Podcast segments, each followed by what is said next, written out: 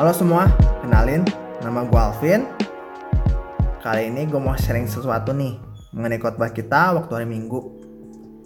Kalian semua masih ingat nggak tema khotbah kita tentang intimacy with God? Di mana kita membangun hubungan yang mendalam dengan Tuhan sehingga kita dapat mengetahui kehendak Tuhan dalam hidup kita. Kita dapat memenuhi ekspektasi Tuhan dalam hidup kita. Hmm, banyak orang Kristen bertanya, bagaimana sih caranya kita dapat mengetahui kehendak Tuhan dalam hidup kita? Atau kita dapat mengetahui isi hati Tuhan sehingga kita dapat memenuhi ekspresi Tuhan terhadap hidup kita. Mungkin selama ini kita hanya memenuhi ekspektasi manusia saja, bukan ekspektasi Tuhan. Lalu, bagaimana sih caranya? Di dalam Alkitab, Tuhan Yesus memberikan contoh yang terbaik, yaitu dengan berdoa. Hah? Berdoa? Bukankah kita juga sering berdoa?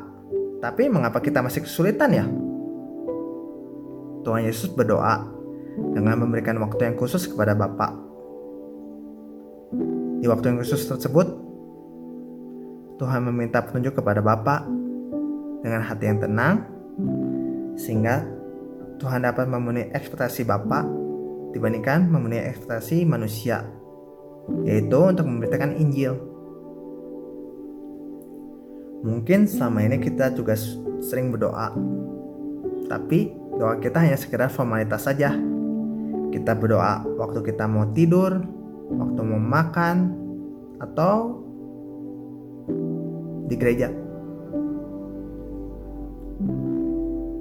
Dengan berdoa seperti formalitas saja, akan menyulitkan kita untuk mengetahui kehendak Tuhan dalam hidup kita. Gue juga akuin, gue juga hanya sekedar berdoa formalitas saja. Namun, gue belakangan ini belajar untuk memberikan waktu yang khusus kepada Tuhan.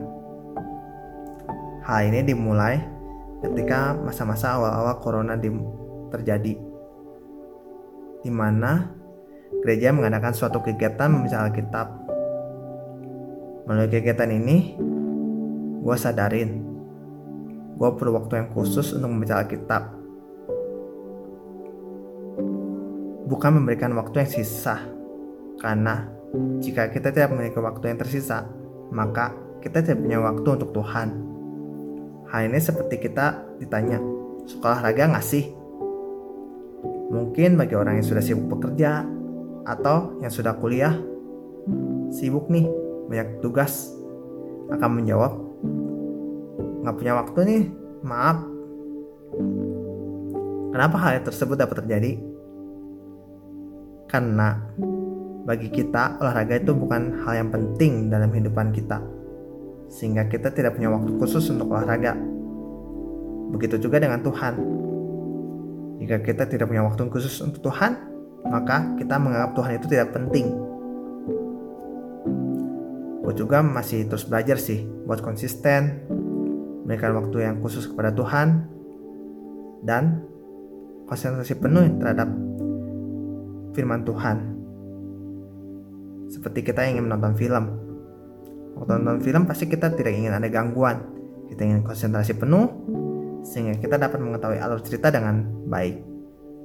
Begitu juga sikap kita seharusnya dalam membaca firman Tuhan dan berdoa kepada Tuhan. Kita harus konsentrasi penuh, memberikan waktu yang khusus, dan tempat yang nyaman juga. Melalui bacaan Alkitab ini, gue sadarin bahwa gue harus meningkatkan hubungan yang lebih erat terhadap Tuhan, bukan hanya sekedar hubungan yang formalitas saja. Setiap hari dalam membaca Alkitab, kita bisa mengisi suatu ayat favorit. Menurut gue, ayat favorit ini bagus. Tapi Gua sadarin ternyata ayat favorit ini bukan hanya sekedar bagus, tapi melalui ayat favorit ini Tuhan sedang berbicara sama gua. Tuhan tahu kelemahan gua dan Tuhan menguatkan gua melalui ayat favorit tersebut. Sehingga hubungan gua dengan Tuhan lebih kuat lagi dan gue bisa memperbaiki diri gua. Selain itu, ketika membaca Alkitab ini, gue sadar bahwa Tuhan itu sebenarnya bukan ingin kita hubungan seperti Bapa dengan hambanya, tapi hubungan seperti sahabat. Kita sama teman kita bisa cerita apa pun, sharing apa pun. Begitu juga dengan Tuhan. Tuhan pengen kita seperti sahabat. Kita bisa curhat apa pun, cerita tentang kesenangan kita, kesedihan kita, kemarahan kita, kebencian kita. Kita bisa sharing apa pun sama Tuhan. Itu yang menguatkan hubungan kita dengan Tuhan. Hmm, setiap kali ada masalah, gue belajar untuk cerita sama Tuhan dan mengambil suatu keputusan juga. Gue belajar untuk bertanya kepada Tuhan terlebih dahulu dibandingkan kita bertanya kepada orang lain atau mengandalkan diri sendiri.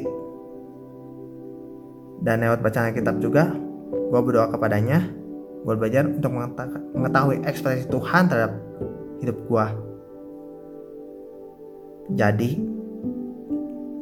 supaya kita dapat mengetahui ekspresi Tuhan terhadap hidup kita, kita perlu berdoa dengan memberikan waktu yang khusus, dengan hati yang tenang, dan tempat yang nyaman juga, sehingga kita dapat berkonsentrasi penuh dalam membaca firman Tuhan, berdoa kepada Tuhan, dan memudahkan kita untuk mengetahui kehendak Tuhan dalam hidup kita.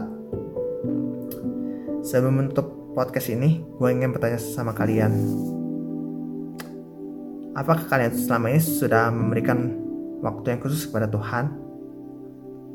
Apakah kalian sudah membangun hubungan yang mendalam terhadap Tuhan? Lalu bagaimana sih caranya? Jadi itu sharing gue hari ini. Thank you sudah mendengarkan. Sampai jumpa di podcast berikutnya. Dah.